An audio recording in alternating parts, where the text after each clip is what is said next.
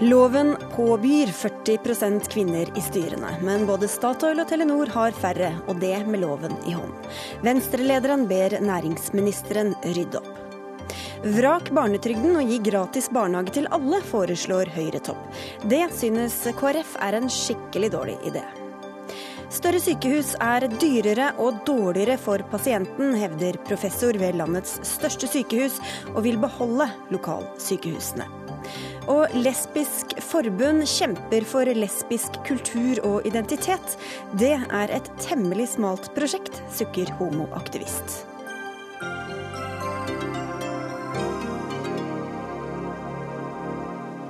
Vel møtt til Dagsnytt 18 i NRK P2 og NRK2, hvor vi også skal innom USA og Spania. Jeg heter Sigrid Solund. Norsk lovgivning eh, sikrer oss minst 40% kvinner i styrerommene, eller er det ikke sånn likevel? For til tross for loven om kjønnsbalanse i styrene i allmennaksjeselskaper, er det bare 29% kvinner i Statoils styre og 37,5% i Telenors styre. Og attpåtil er det lov. Forvirra? Det er nemlig sånn at hvis styrene har lavest mulig antall styremedlemmer, åtte personer, må bare tre av dem være kvinner.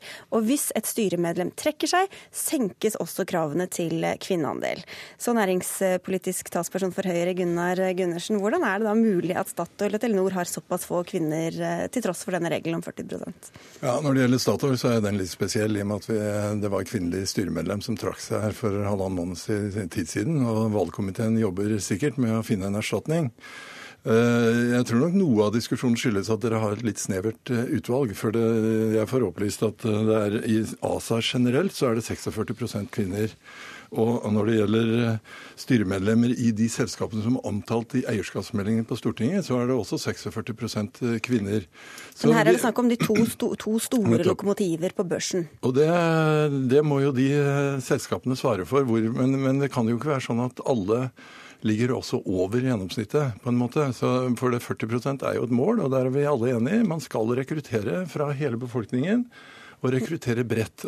Men samtidig så skal man jo også rekruttere de beste. og det der er en det er jo det er der vi har overlatt den jobben til eh, selskapene gjennom valgkomiteer bl.a. Men Vi kan komme tilbake til virkemidlene, men eh, hva er det regelverket sier om dette? Hvorfor er det sånne smutthull i den generelle eh, ja, men Regelverket sier jo vel, altså det, Når du har en aksje, så har du noe som har en andel i et næringsliv. Og En generalforsamling velger da et styre som skal representere hvordan de skal forvaltes. Sånn at det, det er jo tillitsverv, det å være i styrer. Og, og, da må de som eier de aktivaene, eh, ha tillit. Og, og, og, eh, de velger jo folk til å, forvalte sine verdier for seg.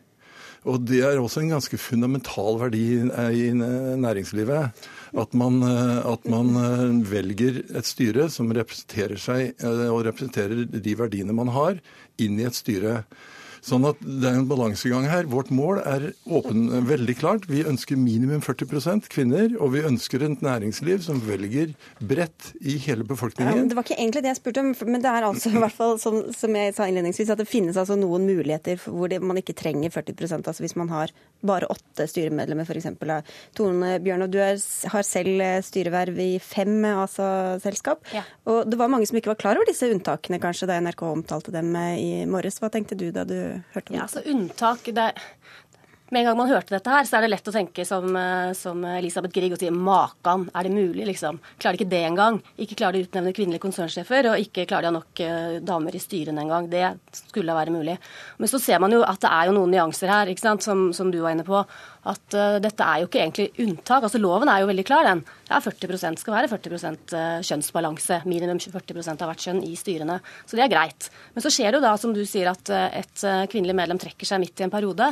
Da kan man ikke forvente at uh, valgkomiteen skal hoppe ut på én dags varsel og innkalle til ny generalforsamling og, Men det gjelder Statoil. Også I Telenor er det også mm. færre fordi at det er lov med bare tre mm. kvinner når det er åtte, åtte mm. styremedlemmer. Og da tenker jeg at Det tenker jeg er litt synd, for jeg syns jo at uh, de store selskapene, de store lokomotivene på børsen, og ikke minst de selskapene hvor staten har en stor eierandel, de bør være best i klassen, syns jeg. Både på dette og på andre aspekter som har med corporate governance, altså eierstyring, å gjøre.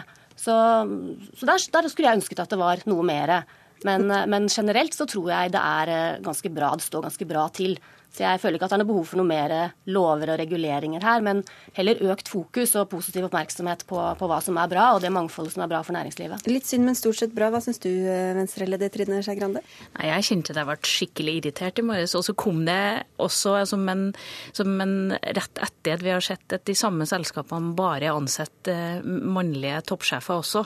Så det føyer seg liksom inn i, i rekken eh, av et næringsliv som når Høyre og Venstre satt sammen i regjering, regjering laga denne loven, eh, som vi gjorde, så er det tydelig at nå brukes smutthullene maksimalt. Og for meg handler det om at du skal bruke de beste folkene. Eh, og da er det ingen grunn til å tro at de beste folkene bare finnes blant menn. Og det andre er jo at dette betyr at man tenker i for smale sirkler, og at, det, ja, at de rekrutterer fra for små miljø. Hvis det bare er mulig å, å finne menn til å bekle de stillingene. Men regelverket, da? Er det behov for å gjøre noe med det?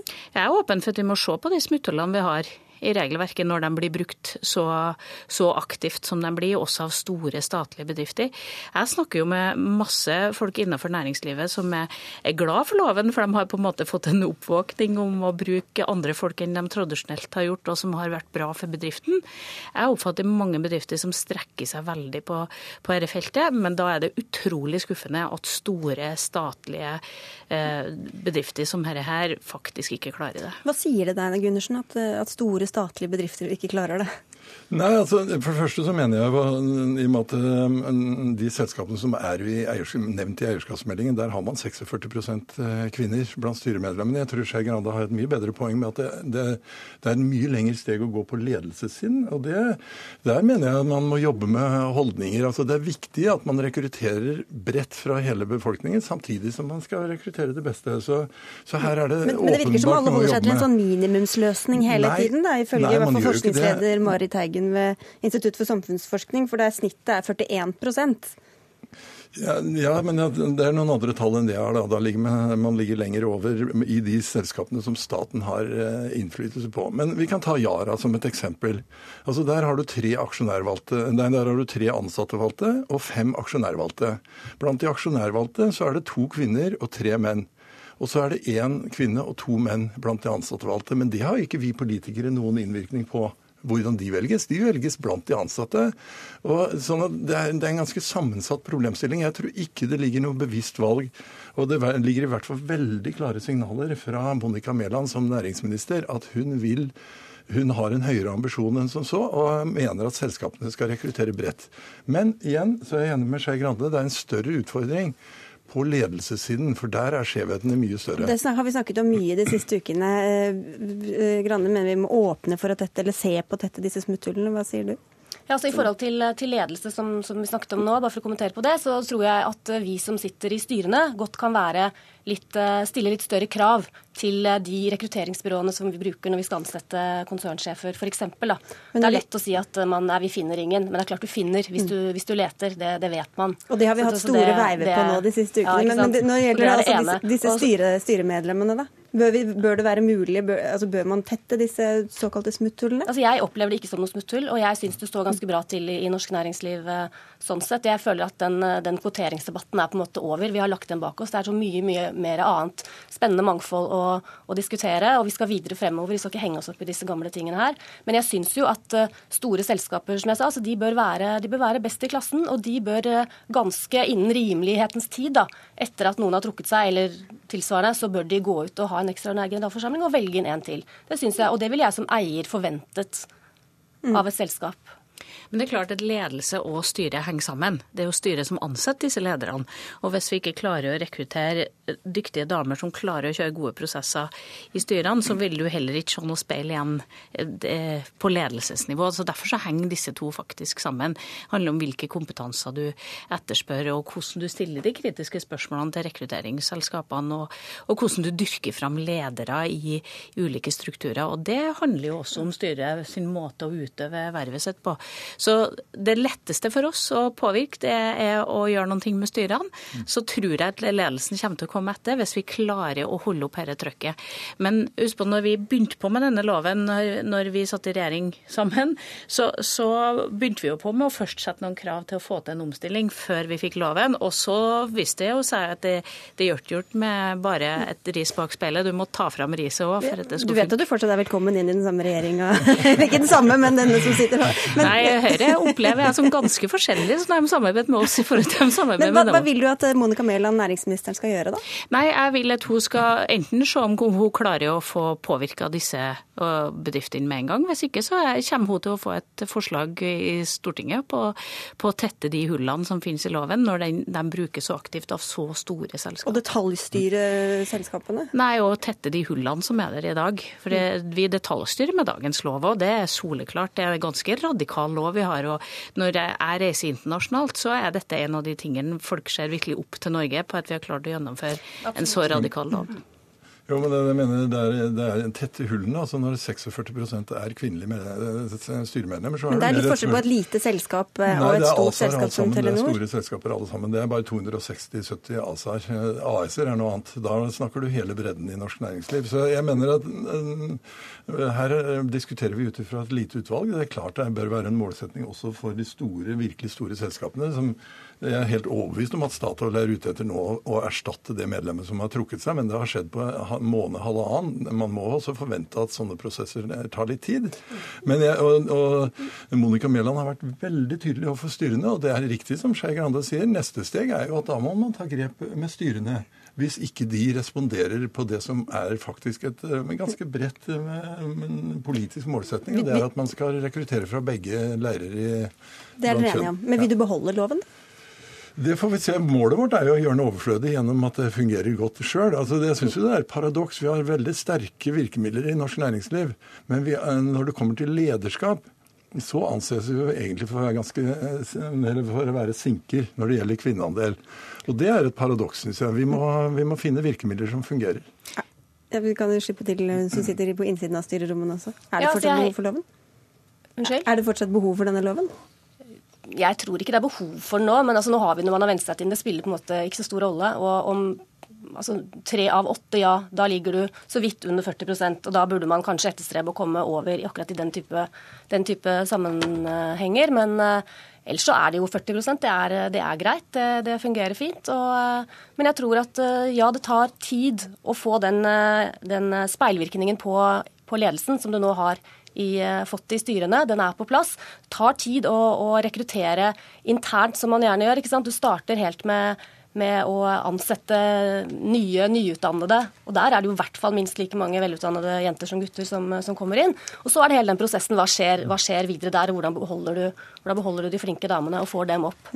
Men vi er jo et samfunn som er veldig likestilt på mange områder.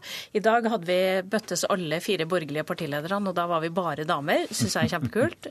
Eh, det finnes bare menn på andre sida, så det blir 50-50. Men, men utfordringa er jo det at vi fortsatt har noen områder der vi ikke er veldig gode på likestilling.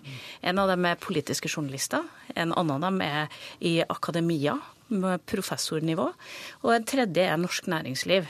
Og det er interessant når du sammenligner f.eks. med USA, der kvinner har en mye sterkere posisjon i næringslivet, men mye svakere posisjon i politikken. Eh, så vi må nok lære mye av det vi har gjort i politikken, der vi nå har kommet mye, mye lenger enn det vi har klart i næringslivet, og det er fortsatt mye å gjøre på næringslivet. Vi har i hvert fall vært i flertall så langt i Dagsnytt 18. og kan si takk til deg, Gunnar Gundersen. Beklager det, altså. Det er andre gjester som vet du må komme inn. Takk skal dere ha, alle andre, altså. Dagsnytt 18 alle hverdager klokka 18.00 på NRK P2 og NRK2.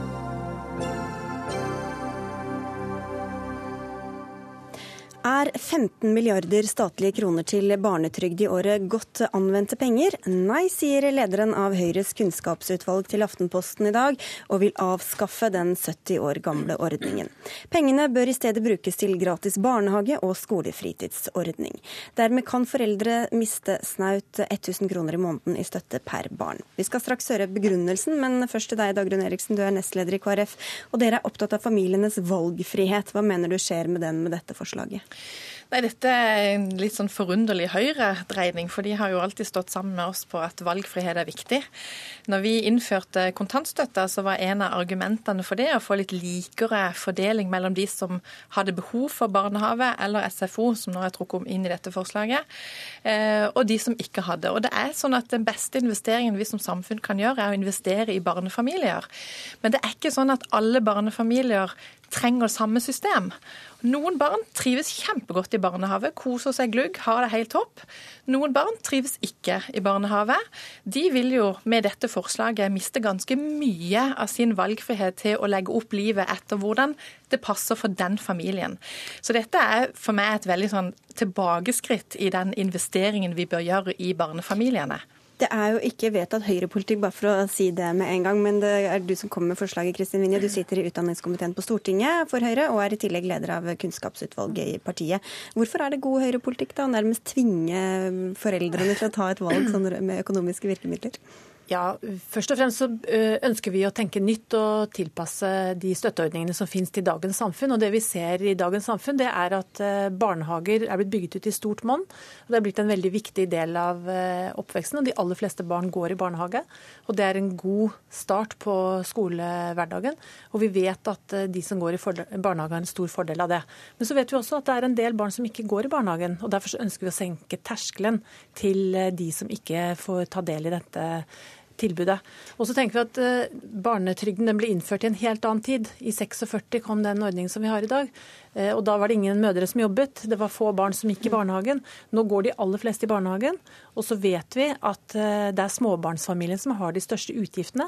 Derfor tenker vi at hvis vi flytter samfunnets ressurser ned og hjelper, avlaster småbarnsfamilier som er i en etableringsfase og som har store kostnader med barnehage, så får vi både hjulpet småbarnsfamiliene og vi fjerner terskelen for de barna som ikke men, men hvor, får tilbud om barnehage. Liksom, kunnskapen og likhetstanken på en måte skal trumfe valgfriheten for, enkelt, for hver enkelt familie som skal, skal, få bedømme om barnet er moden ja. til å gå i barnehage f.eks.? Ja, vi tenker jo det at de aller fleste går faktisk i barnehage, så det med valgfrihet det er ikke så stort uh, aspekt ved dette. For vi vet at over 90% av barn går i barnehage.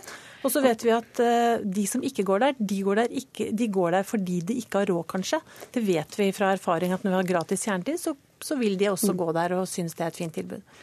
Altså, Gratis kjernetid, billigere barnehage for de som har mest behov for det, det støtter KrF veldig opp om. Dere har råd til alt, dere i KrF? Nei, men altså det å ha gradert foreldrebetaling har jo vært en av våre satsingsområder. Det er jo noe av det vi har fått med gjennom i denne regjeringen også. At det, det er kjempeviktig at, at ikke det skal være det om du har råd eller ikke. Men det er faktisk sånn at noen gjør andre valg. F.eks. SFO. Eh, så er det litt sånn at i storbyen har man mye mer behov for SFO som en daglig ordning. Eh, det er det, mange... der barna er kanskje før og mest etter skolen? bare for å si det. Ja, ikke sant? Skolefritidsordningen. Ja. sant? Mens hvis du kan komme ut andre steder hvor man har funnet ut at nei, vi har funnet andre løsninger. Så det som skjer med et sånn type forslag som det, er ikke egentlig å hjelpe de som har dårlig råd. Det er å faktisk tvinge alle inn etter én lest. Og for meg så høres det mer ut som et forslag på venstresida i norsk politikk enn på høyresida i norsk politikk. Fordi at familier er forskjellige, Unger er forskjellige, og vi trenger forskjellige løsninger. Og ikke tvinges inn i én mal, fordi at vi kan ja, ha forskjellige behov. Du skal få svare kort på det, Vinje også. Ja, vi vet jo at f.eks. bare i Oslo så er det 1700 barn som begynner på skolen eh, til høsten, eller i fjor høst, som ikke kunne godt nok norsk. Vi vet at det er et stort problem.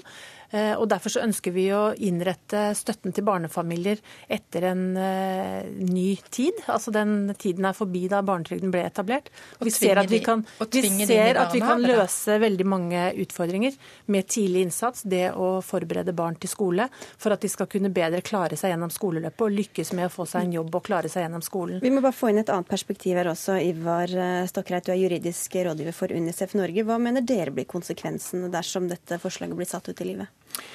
Først og fremst vil jeg bare si at Unicef Norge syns dette er et spennende forslag. Altså Kunnskapsutvalget i Høyre har kommet med et spennende forslag, og vi er jo tilhengere av å styrke de universelle ordningene retta mot barn. Eh, og vi mener jo også Altså gratis barnehage og SFO er dere for? Gratis barnehage og SFO er vi i utgangspunktet for, men det vi reagerer på er jo hvordan man skal finansiere denne ordningen. Eh, og vi mener jo at eh, det er viktig å styrke barnetrygden. Det har en viktig omfordelende effekt fortsatt i det norske samfunnet.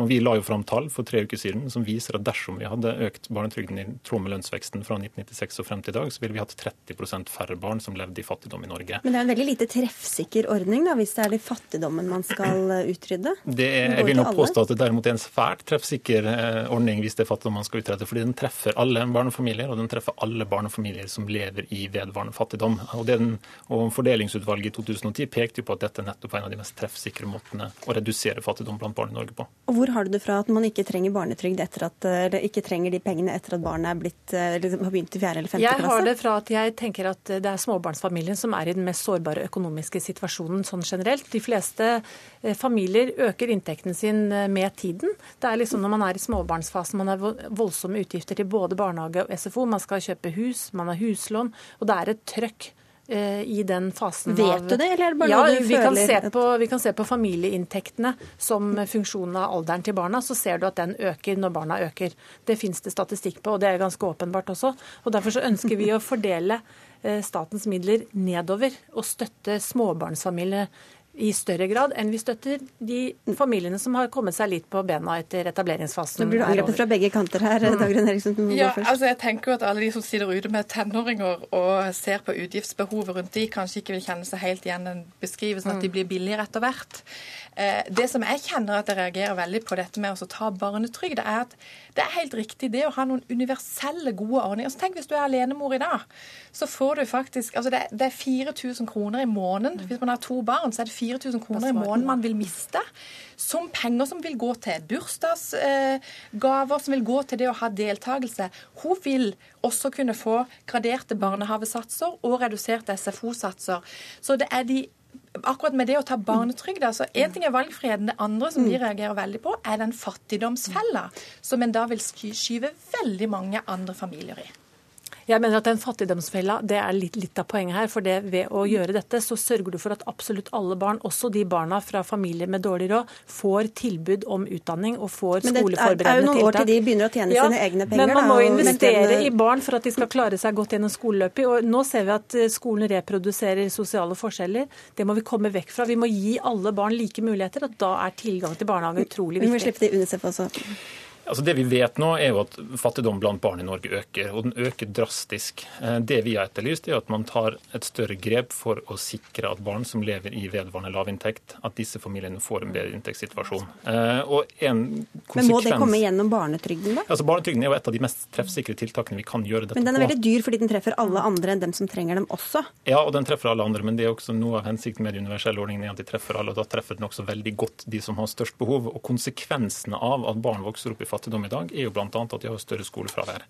De har flere psykosomatiske plager enn andre barn. De er oftere i kontakt med hjelpeapparatet, og det er større sannsynlighet for at disse barna sliter sosialt. Dette betyr at vi er nødt til å gjøre en innsats retta mot disse familiene, sånn at disse barna kan få en bedre hverdagssituasjon. Eh, og Da mener vi at det er viktig at vi ser på tiltak i barnehage, at vi ser på tidlig innsats, men vi må samtidig sørge for at disse familiene kan komme seg ut av fattigdommen, og da er barnetrygden et viktig tiltak. veldig, veldig Jeg er veldig enig i at vi må rette tiltak mot eh, barnefattigdom, og regjeringen har nettopp kommet med en egen strategi sammen med samarbeidspartiene på akkurat det men jeg er veldig uenig i at barnetrygden er treffsikker. Det blir veldig dyrt, og den treffer dårlig ved å løse barnefattigdom. Men da det må vi også Da håper jeg veldig at Høyre kommer til å høre på Kåre Willoch, som sier om en investering, og hvor barnetrygda, engangsstøtte og andre ting er viktige tiltak, og ikke på dette utdanningsutvalget. Vi får se om de hører på deg og Willoch, eller om de hører på deg, Kristin Vinje, ja. når dette skal opp i Høyre. Takk skal dere ha alle tre for at dere var med i Dagsnytt 18. Kristin Vinje fra Høyre, Dagrun Eriksen fra KrF og Ivar Stokkereit fra Unicef Norge.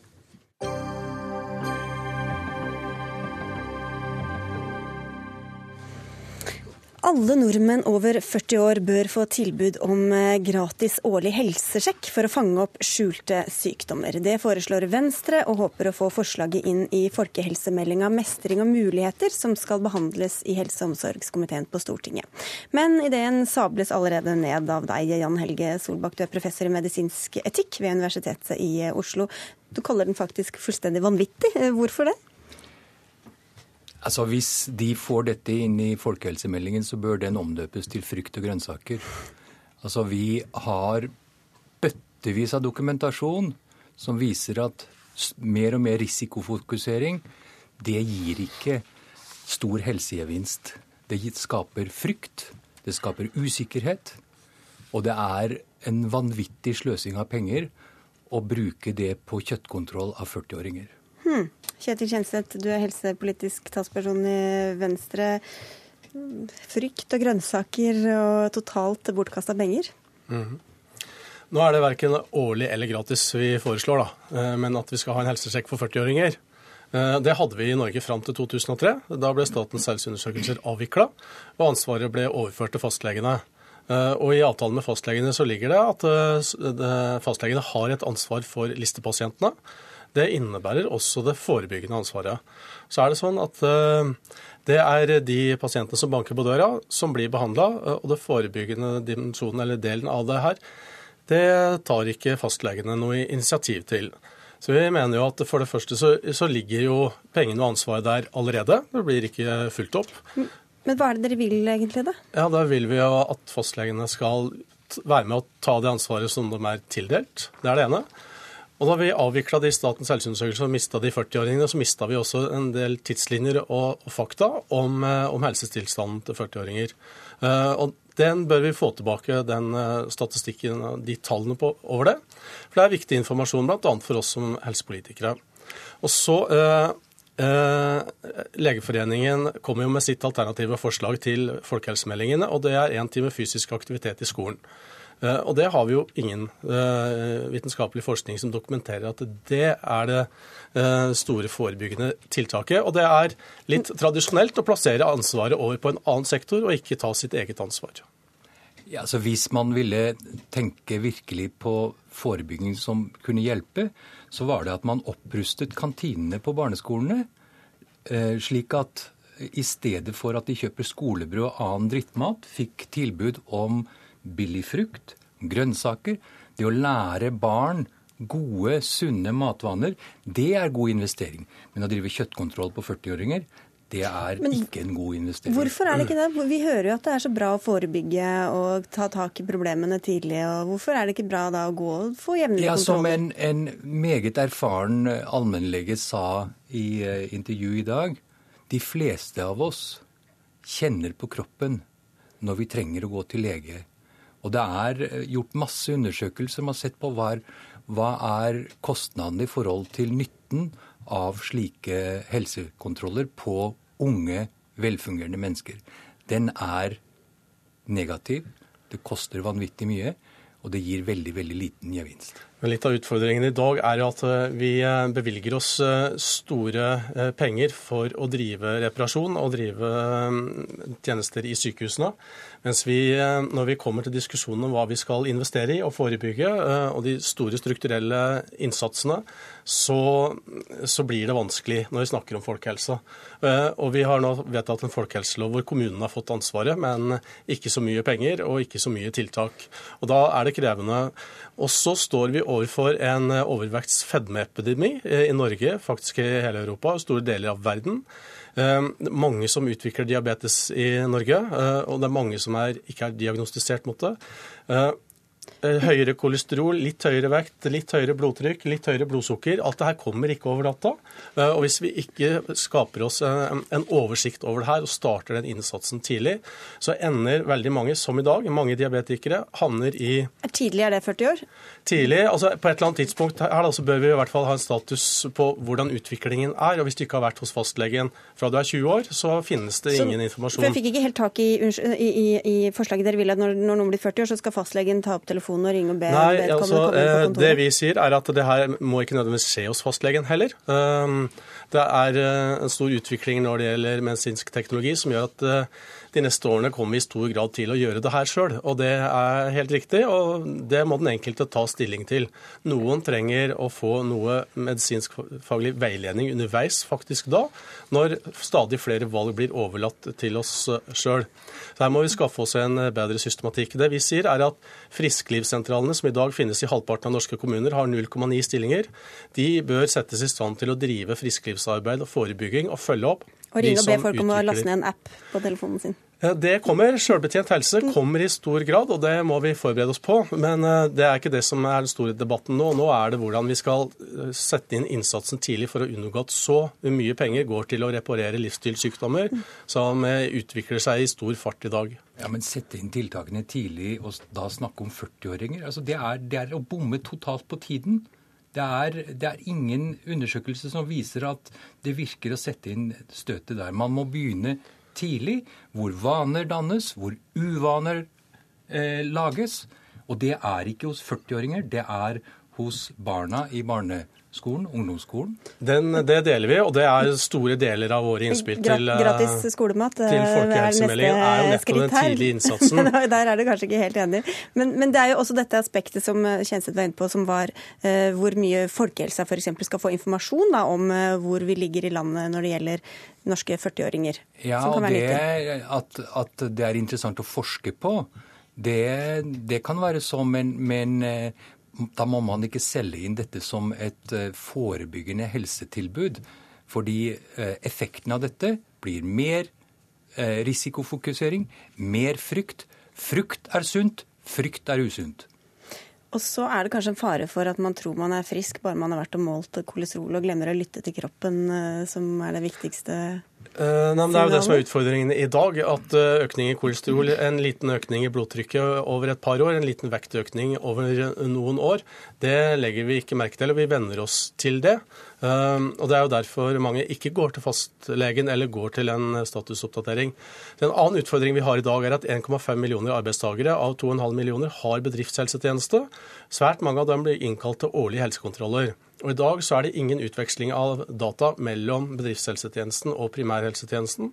Så svært mange får jo allerede den helsesjekken i år. Det bør vi gjøre noe med. Enten så bør vi også da avvikle bedriftshelsetjenesten hvis det ikke er noen vits i den, eller så bør vi sørge for at informasjonen spiller sammen. Og da har vi allerede helsestatus på veldig mange. Det er det ene. Det andre er jo at mange går jo til eh, fastlegen ganske regelmessig allerede. Så dette her er ingen stor innsats. Som en fastlege på 2000 listepasienter, så handler dette her om 30-40 pasienter, og det er mindre enn én per uke som han kunne innkalle.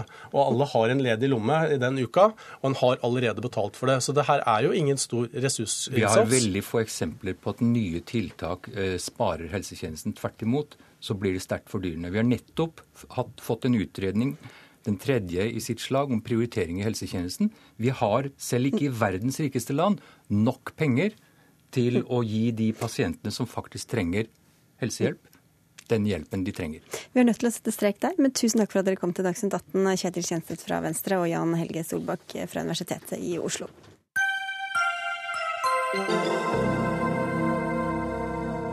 I mars måtte han dra fra Washington uten noe møte med verdens mektigste mann, men i dag kom Jens Stoltenberg inn på det ovale kontor. Møtet mellom Natos generalsekretær og USAs president Barack Obama er nettopp ferdig, og USA-korrespondent Gro Holm, hva har de snakket om i dag? Ja, De har snakket om selvfølgelig Russland og Ukraina. Obama presiserte at Nato er en hjørnestein i den globale sikkerheten, ikke minst nå som Eh, Russland står for den aggressive, aggressiv politikken de gjør overfor Ukraina. De har snakket om situasjonen i Midtøsten, og da særlig trusselen fra IS, hvor en rekke Nato-land jo er med eh, i koalisjonen som bekjemper IS, men ikke Nato som organisasjon. De har også snakket om Libya, eh, der problemet er selvfølgelig at Nato ikke kan støtte noen regjering fordi det finnes to regjeringer i praksis.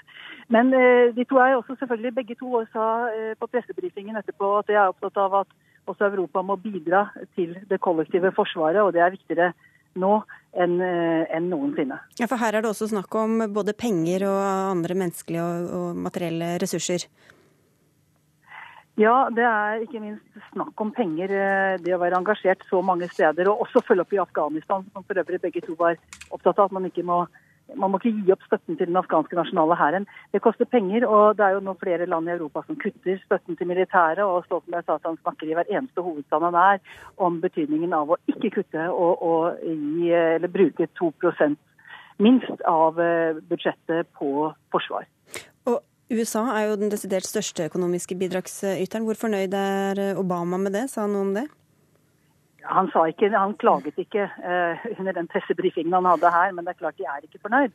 Uh, og uh, de står jo for 70% av utgiftene, fellesutgiftene i Nato. og det er viktig for Natos generalsekretær for Jens Stoltenberg å ha Obama med på laget. At, at ikke Nato blir marginalisert i amerikansk utenrikspolitikk. Og Derfor var det besøket her veldig viktig. Og så er det grenser for hva Stoltenberg kan gjøre, i og med at det er, det nasjonalforsam det er nasjonalforsamlingen i hvert enkelt land som avgjør hvor mye penger man bruker på forsvar. Eh, derfor blir det enda viktigere med sånn, denne type personlig kontakt. Vi får eh, si tusen takk til deg også, Gro Holm, for at du var med i eh, Dagsnytt 18 i denne omgang. Hør Dagsnytt 18 når du vil. Radio NRK Radio.nrk.no.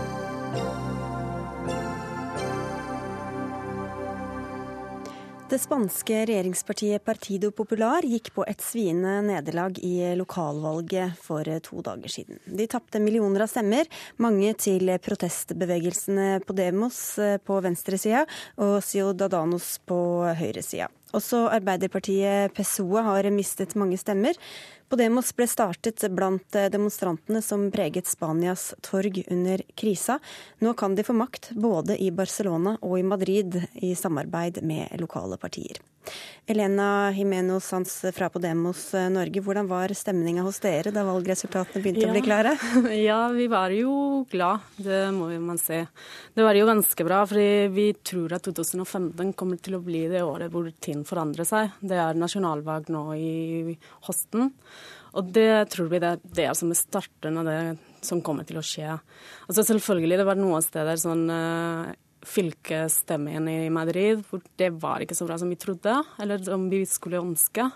Men det, Podemos er en veldig veldig ny parti, og så det har fått mange støtte av folka. Så det, det, er kjempebra. da. Men hva er det dere ønsker å gjøre noe med? Hva er det store prosjektet deres? Ja, som Det største prosjektet på en måte, det som har skjedd i Spania i de siste årene, er at de politikerne ligger her oppe, og så folk er nede. Og de er ikke De vet ikke hva det skjer nede. Så fattigdom øker, f.eks., og de kutter i helsesystemet og dannelsessystemet. Så det vi vil gjøre, er å endre litt politikk i Spania som generelt, og så begynne å ta makt til folket. Altså se på det som folk uh, bekymrer seg for.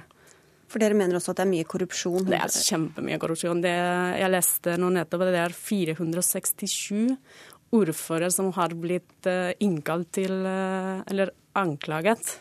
Og det er ganske mange. Mm. Markus Buch, eh, du er førsteamanuensis ved Universitetet i Tromsø. Du kom hjem fra Spania i går og har fulgt eh, valget der. Må jeg høre først, eh, Er dette en beskrivelse du er enig i av systemet og politikerne i Spania? Ja, det må man si i generell forstand. Og dette valget har jo da endret partikartet i de 13 regionene som hadde valg, og i de viktigste av de mer enn 8000 kommunene i Spania. Så eh, det er ingen tvil om at eh, dette topartisystemet, som på mange måter har regjert Spania eh, helt siden 77, det er nå brutt. Men så er jo spørsmålet da hva skjer nå? For hvis Podemos og Ciudadanos må inngå pakter, eh, forhandle seg frem til å kaste Partido Popular ut av de eh, lokale kommunestyrer og eh, regionforsamlinger, så må de jo da samarbeide med noen andre.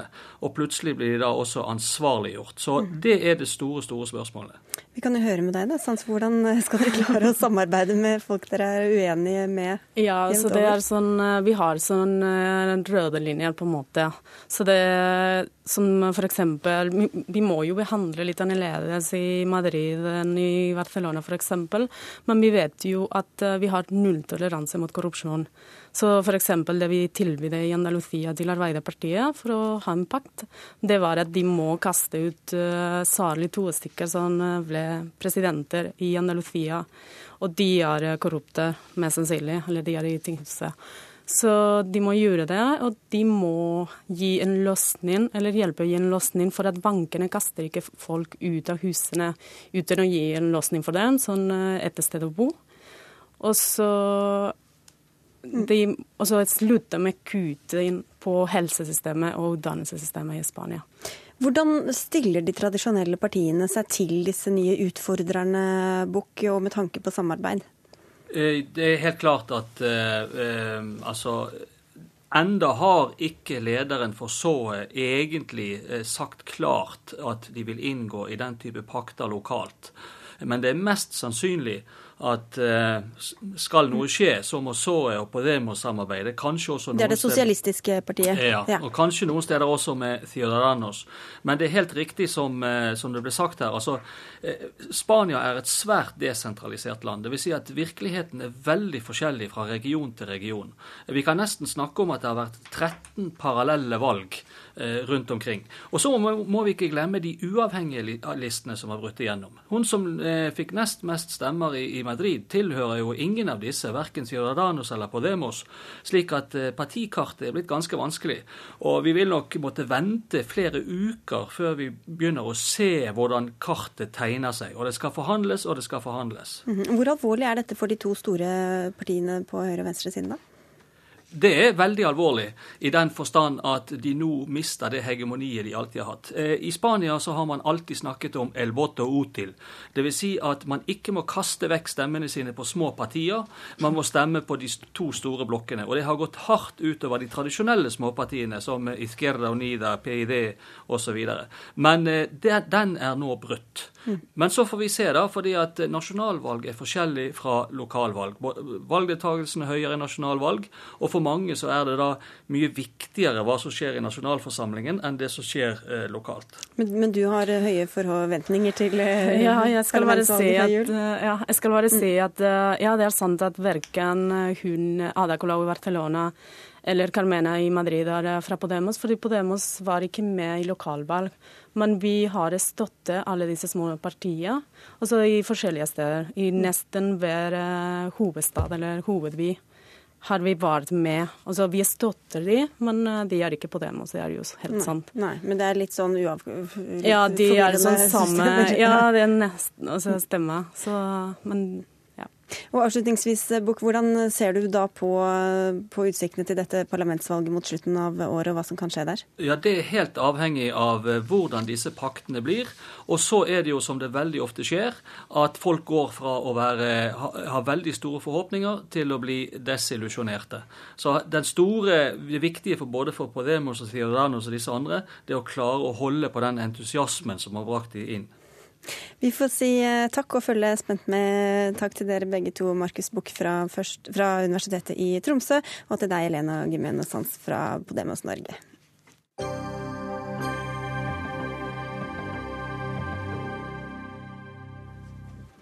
Lenge før eh, helseministerens sykehusmelding kommer, er det klart eh, hvor det bærer hen. Lokalsykehusene loppes for funksjoner.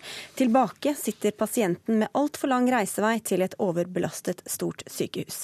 Slik blir det, skal vi tro eh, to kronikkforfattere på nrk.nos debattside Ytring.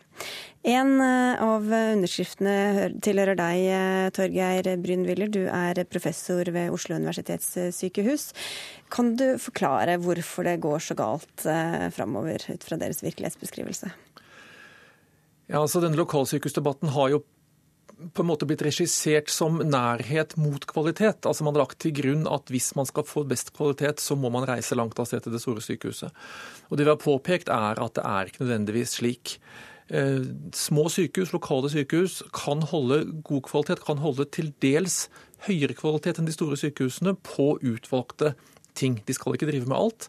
Men eh, for en del eh, alminnelige tilstander, også innenfor akuttkirurgi, som er det som diskusjonen særlig gjelder nå, så ser det ut som at resultatene er vel så gode og kostnadene lavere på små sykehus. Slik at det er det det står om. Eh, og så er det riktig som du sier at disse lokalsykehusene i Norge har jo på en måte vært vanskjøttet allerede i mange år. Og lenge levet med veldig stor usikkerhet om sin fremtid. Det er klart at da vil jo en sånn dødsdom fort bli en selvoppfyllende profeti, fordi at det er vanskelig å rekruttere ansatte til et sykehus med en veldig usikker fremtid. Men på tross av det, faktisk, så er det eh, en rekke lokalsykehus som kommer til å eh, miste akuttkirurgitilbudet hvis eh, departementets planer går igjennom, som holder en god kvalitet, og hvor befolkningen kommer til å tape et godt tilbud hvis dette går gjennom. Og du er litt opptatt av at du kan få si dette, fordi du tross alt ikke er ansatt ved et lokalsykehus? Eh. Ja, det er jo så lett å, å, avskrive de som selv jobber på et lokalsykehus, som bare at de bare slåss for sine egne interesser, eller at de har et litt sånt romantisk, svermerisk forhold til sykehuset sitt. liksom. Sånn, sånn blir dette, dette ofte regissert. Så jeg syns det har vært viktig at noen som ikke selv har egeninteresser i det, eh, sier ifra. Kristin Ørmen eh, Johnsen, du er eh, medlem av helse- og omsorgskomiteen for Høyre, og du reagerer også på hvordan dette blir eh, framstilt. Hvorfor det? Jo, jeg synes ville tillegge både departementet, Høyre meninger og planer om den fremtidige sykehusstruktur i Norge som vi ikke har. Og det fremstilles som om man ønsker en eh, storstilt sentralisering av sykehus, og det er ikke riktig. Jeg vil bare si at vi har et veldig tydelig landsmøtevedtak som sier at vi vil at sykehus skal være der folk bor, altså nær der folk er. Vi skal fortsatt ha en desentralisert sykehusstruktur i vårt langstrakte land. Og det skal tas eh, lokale hensyn når eh, den nasjonale helse- og sykehusplanen eh, skal legges frem for Stortinget. Så jeg synes vel at det er nesten uetterrettelig å si at både departementet konkluderer og faktisk Stortinget konkluderer. Planen skal behandles i Stortinget i oktober. Og det vi er inne i nå, det er jo en innspillsfase, hvor mange grupper leverer sine innspill til denne planen. Så jeg må slå fast at vi ønsker en desentralisert sykehusstruktur. Det er viktig. Og så er det også et par andre ting jeg reagerer på. Ja, la oss ta dette først. Brunville, men Du misliker også på en måte den måten de har satt sammen disse gruppene som skal eh, komme med innspill på? Jeg registrerer at Ørmen Johnsen sier at vi bare er i innspillsfase. Jeg tror nok eh, det kan godt være Eh, Høyre stortingsgruppe mener det, men jeg tror kanskje dette er noe naivt i forhold til hvordan vi vet at eh, helsebyråkratiet, ledelsen i de regionale helseforetakene, har råkjørt mot småsykehusene hele veien. Eh, jeg tror dette løpet er lagt, og jeg tror dessverre verken Ørmen Johnsen eller andre i Stortinget kommer til å få så stor innflytelse over det som de kanskje tror selv, eller kanskje ønsker. Og dette henger intimt sammen med hele den foretaksorganiseringen av sykehusene som man har hatt i nå 13 år omtrent i Norge, som jo har flyttet masse makt fra politikerne til foretaksstyrer som drifter sykehusene i Norge som om de var butikker som hadde til, oppgave å tjene penger. Så lokalsykehusdiskusjonen er veldig nært knyttet til eh, hele foretaksorganiseringen av sykehusene. Men det innebærer bl.a. At, eh, at Ørmen Johnsens eh, forestilling om hvordan dette skal skje fremover, nok er noe uh, urealistiske. Ja, der mener jeg at det tas eh, helt feil. For målet med å få denne helhetlige planen til Stortinget, det er jo nettopp det at eh, politikerne og ikke minst Stortinget skal eh, sette sitt avtrykk på denne. Jeg er enig i at det i en tid har vært slik at eh, det er helsebyråkratiet som eh, virker som om har styrt Norge. Nå har vi fått en ny ledelse i departementet. Stortinget har fått en ny sammensetning etter valget. Og vi gikk faktisk til valg på å ta helsepolitikken tilbake. Så jeg mm. tror dette er å skue litt bakover. Eh, hvis, okay, man... hvis vi ikke tar, bare, ikke tar det med foretaksmodellen, men med, altså, dere, er det ikke sånn at dere vil legge ned, om ikke uh, hele sykehus, så i hvert fall enkelte avdelinger på forskjellige lokalsykehus? Nei, Nei, det Altså, vi vil legge ned.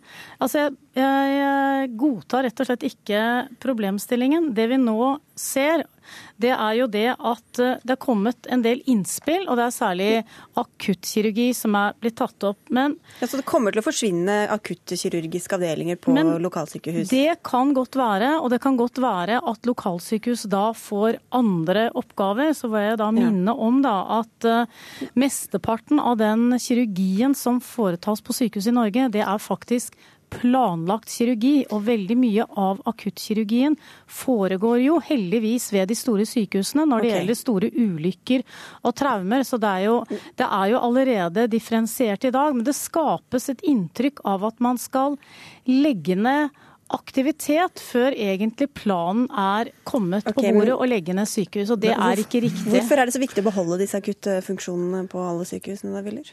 Fordi de altså yter et utmerket tilbud til sin befolkning innenfor de avgrensede områdene som de små sykehusene er gode på. og det er det skal være avgrenset, men der de vanligste sykdommene forekommer oftest, og der gir de et godt tilbud. Det kommer til å bli dårligere, det kommer til å bli dyrere hvis man tar dette vekk. Og jeg må bare minne Ørmen Johnsen om at det denne faglige rådgivningsgruppen som nettopp har avgitt sin innstilling, og som på en måte er bakgrunnen for at debatten kommer opp nå, de har jo fått et helt bundet mandat. De har jo ikke blitt spurt om de syns at akuttkirurgien skal bestå ved sykehus som betjener mindre enn 80 000 mennesker. De har, sagt, de har fått beskjed om å si noe om hva som skal skje med de sykehusene når akuttkirurgien legges ned. Så det er ganske tydelig, at, eh, faktisk overtydelig, at føringen er lagt. Og Vi er mange som har ventet på at politikerne skulle settes til tydelige fingeravtrykk på helsepolitikken etter stortingsvalget for halvannet år siden. Høyre hadde, ga ganske store forhåpninger eh, om akkurat det som du sier, men vi har jo blitt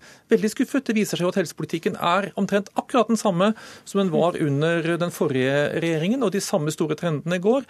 Det viser seg at eh, statsrådens partifarve antagelig ikke er så veldig viktig. Det er andre som bestemmer dette. Det, jeg må jo både si at nå har de lagt frem to store meldinger som nettopp Men Kan du ta tak i det med mandatet? Ja, Hvorfor dere si at, ga akkurat det eh, mandatet på den måten? Ja, hva, akkurat hva den Det er jo flere grupper som har satt ned for å uh, belyse og komme med forskning rundt uh, problemstillinger, hvordan sykehus skal rigge til fremover.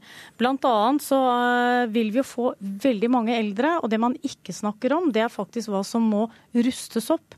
Og det er akuttmedisin og det og hvordan akuttmottakene skal ta imot eh, alle eldre som har så mange problemstillinger, det løftes ikke frem i debatten. Man Jeg tror han er ganske opptatt av det, Brun Ville. Ja, jeg kan fortelle deg mye om betydningen av at man også har kirurger. Virker ikke, virker ikke sånn. Nå må jeg få lov til å Jeg kan si mye om betydningen av at ha kirurger med på laget, fordi de gamle nettopp ikke kom med et ferdig stempel i pannen med hva som dem. Nei, nettopp, og derfor så må vi ha en bedre kompetanse i, i, akuttmottaket. Og det er jo nettopp noe av dette denne planen skal komme frem med. Det er både å se på hvilken kompetanse som trengs for å møte de fremtidige utfordringene, og hvordan man skal rigge til sykehus for fremtiden.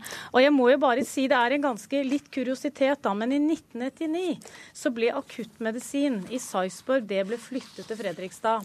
Og da kom det dommedagsprofetier at 25 personer kom til å dø i året. Det skjedde ikke. Så det vil hele tiden være endringer i helsetjenesten. Men det vi er opptatt av, det er jo at endringene skal komme pasientene til gode. Det skal være kvalitet i det tilbudet som gis. Og jeg har ikke Vi er nødt til å avslutte her, Kristin Ørmen Johnsen. Du får sette punktum, eh, ja, finne, finne punktumet ditt. Og hva betyr, hva betyr, Det betyr at eh, jeg gjentar at Høyre mener at vi skal ha sykehus eh, nær der folk bor, og vi skal ha okay. en fortsatt desentralisert sykehusstruktur. Takk skal dere ha, Kristin Ørmen Johnsen fra Høyre og Torgeir Brun Willy, professor ved Oslo universitetssykehus.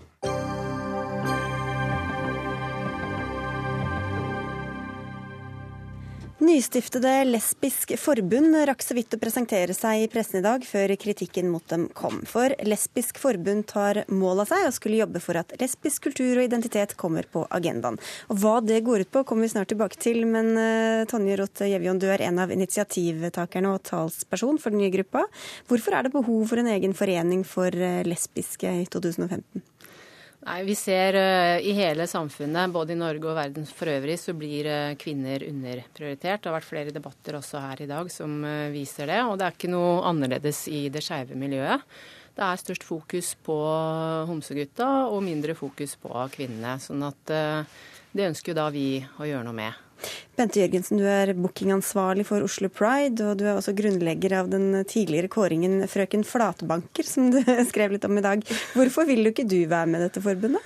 Eh, jeg har vel ikke sagt at jeg ikke vil være med, men jeg er veldig nysgjerrig på hva Lesbisk forbund egentlig er. Fordi det de sier i sitt eh, hva skal jeg si, manifest, er at de skal ta for seg å fremme lesbisk identitet og kultur. Og jeg er veldig nysgjerrig på hva lesbisk identitet og kultur er. fordi det har ikke jeg helt peiling på, selv om jeg er veldig lesbisk. Da kan vi få en avklaring nå, da. Lesbisk identitet og kultur, hva er det egentlig? Eh, det er jo noe som eh, henger i fra før, og noe som er under utvikling. Og det vi tenker er at Hvis ingen passer på å synliggjøre det, så vil det bli enda flere som ikke vet hva det er. Sånn at eh, det vi ønsker, da, det er at eh, man under skeive festivaler, sånn som Oslo Pride, da tar mer i bruk eh, kulturelle uttrykk som er laget av f.eks. lesbiske artister, lesbiske kunstnere, Eh, kvinner, Men er det bare at hvis, om... hvis en, en, lesbisk person lager kunst, så er det lesbisk kunst eller kultur? Eller? Nei, det må handle om å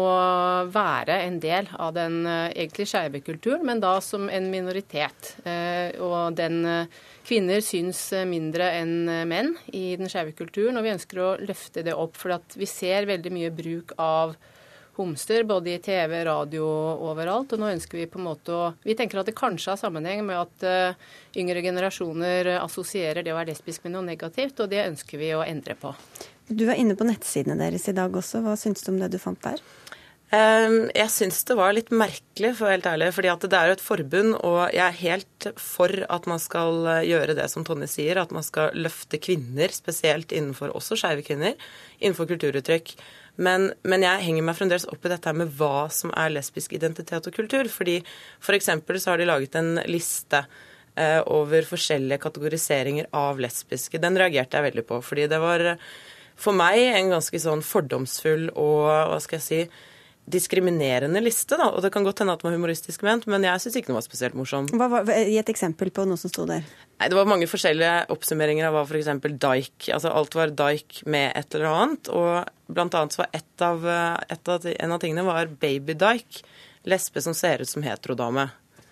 Det er ikke en del av eh, lesbisk altså det kultur? Er, det, er, det, er, det er, en ordliste. fordi at F.eks. For i homsekulturen så har de sånn som fag-hags. De har mange egne uttrykk, og det er jo en del eh, av homsekulturen. Og på samme måte så har man en del uttrykk som da lesbiske kvinner i de miljøene uttrykker. sånn at det er ikke en kategorisering, det er eh, et behov for å få de uttrykkene som en del av språket. fordi at vi ser at det kommer nye grupper som kaller seg queer, de kaller seg inter, og det, vil, det, kommer hele tiden undergrupper. Da, så jeg skjønner liksom ikke helt Det er fortsatt noen som identifiserer seg som lesbisk.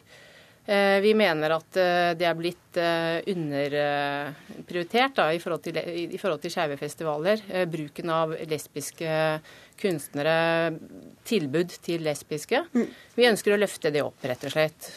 Ja, og det er fint nok, men det jeg på en måte får inntrykk av gjennom den måten som dere sier at dere driver på og har lyst til å gjøre, er at dere definerer på forhånd hva en lesbe er. Og jeg er jo fryktelig lesbisk. Jeg har vært lesbisk siden jeg ble født, sånn antagelig. Eh, allikevel så kjenner ikke jeg meg igjen i det bildet av at jeg da skal være en lesbe som ser ut som en heterodame, fordi jeg er lesbisk. Jeg prøver ikke å se ut som en heterodame. Altså det er stereotypier du mener de fremmer, ja. på en måte? Da, ja, det er det jeg egentlig syns. Jeg syns at man eh, tar i bruk en ting som man har prøvd å komme bort ifra. I hvert fall jeg og flere andre som jeg kjenner og mennesker jeg har snakket med. Og det var også derfor vi startet Frøken Flatbanker i sin tid, var for å ta et oppgjør med altså den, den stereotypen. Den tulle missekåringen, ja, som mm. var egentlig ment Eller det var en engangsunderholdningsting, og det var veldig morsomt. Men det vi gjorde, var at vi tok et oppgjør med stereotypien av hva en lesbisk skal være og se ut som. Fordi lesber er som absolutt alle andre. De kommer i alle former og fasonger og uttrykk. Er det sånn at dere nei, altså, fremmer stereotypien? Nei, hvis man leser formålet til Lesbisk forbund, så står det at vi ønsker å synliggjøre, spre kunnskap om og øke interessen for lesbisk identitet og kultur. Og lesbisk identitet det er en helt totalt variabel. Og at noen identifiserer seg som lesbiske, akkurat som andre identifiserer seg som queer, det må jo være ikke sant, Hvordan du identifiserer seg, det er faktisk privat. Det er en privatsak. Men hvordan skal dere da fremme eller... lesbisk identitet, hvis alle bare kan definere det akkurat Nei, Gjennom kunst- og kulturuttrykk. Det er ikke første gangen at det finnes et lesbisk forbund i Norge. Eh, Geir Brantenberg startet jo Lesbisk bevegelse, og de drev med teater og kultur. Det handler på en måte om også historisk, da, at eh, lesbiske kvinner de brøyt jo ut av den tradisjonelle kvinnerollen. De sprengte på en måte rommet for det, og skapte større rom for kvinner sånn generelt sett. I, ikke, liksom ut av husmorrollen og det å sprenge eh, den rollen. For det handler på en måte om at å få lov til å være den personligheten man er. Så vi skal ikke konkurrere med noen eller skyve ut noen andre, men vi ønsker på en måte å ta plass i den skeive miljøet. Ja, jeg har dyp, dyp respekt for det alle har gjort før. For å si det sånn, både Geir Brandtberg, Kim Friele, alle de. Eh, det jeg syns, da, er at dette er et utdatert eh, konsept. fordi at man skal, ikke, altså man skal ikke sette seg ned og fokusere på hva som er lesbisk identitet. Fordi lesbisk identitet er, Jeg er lesbisk, men jeg identifiserer meg ikke kun som lesbisk. Og identitet handler om så utrolig mye mer da enn seksuell legning. Og det er der jeg steile litt. At man skal lage da Jeg vil veldig gjerne at dere skal ha et forbund. Jeg skulle bare ønske dere kalte det noe annet enn lesbisk forbund. du får lage et sånn konkurrerende forbund. Ja, men det andre forbundet, det må nesten du lage, tenker jeg da. Ja, så kan vi alle krangle hele tiden. Ja, det får dere gjerne gjøre her en annen gang. Da. Takk skal dere ha for at dere ikke kranglet, men diskuterte selvfølgelig. Nå i denne omgang Bente Jørgensen og Tonje Rotte Evjon. Dagsnytt 18 er over for i dag. Hege Holm, Frode Thorshaug og Sigrid Solund var ansvarlig for det.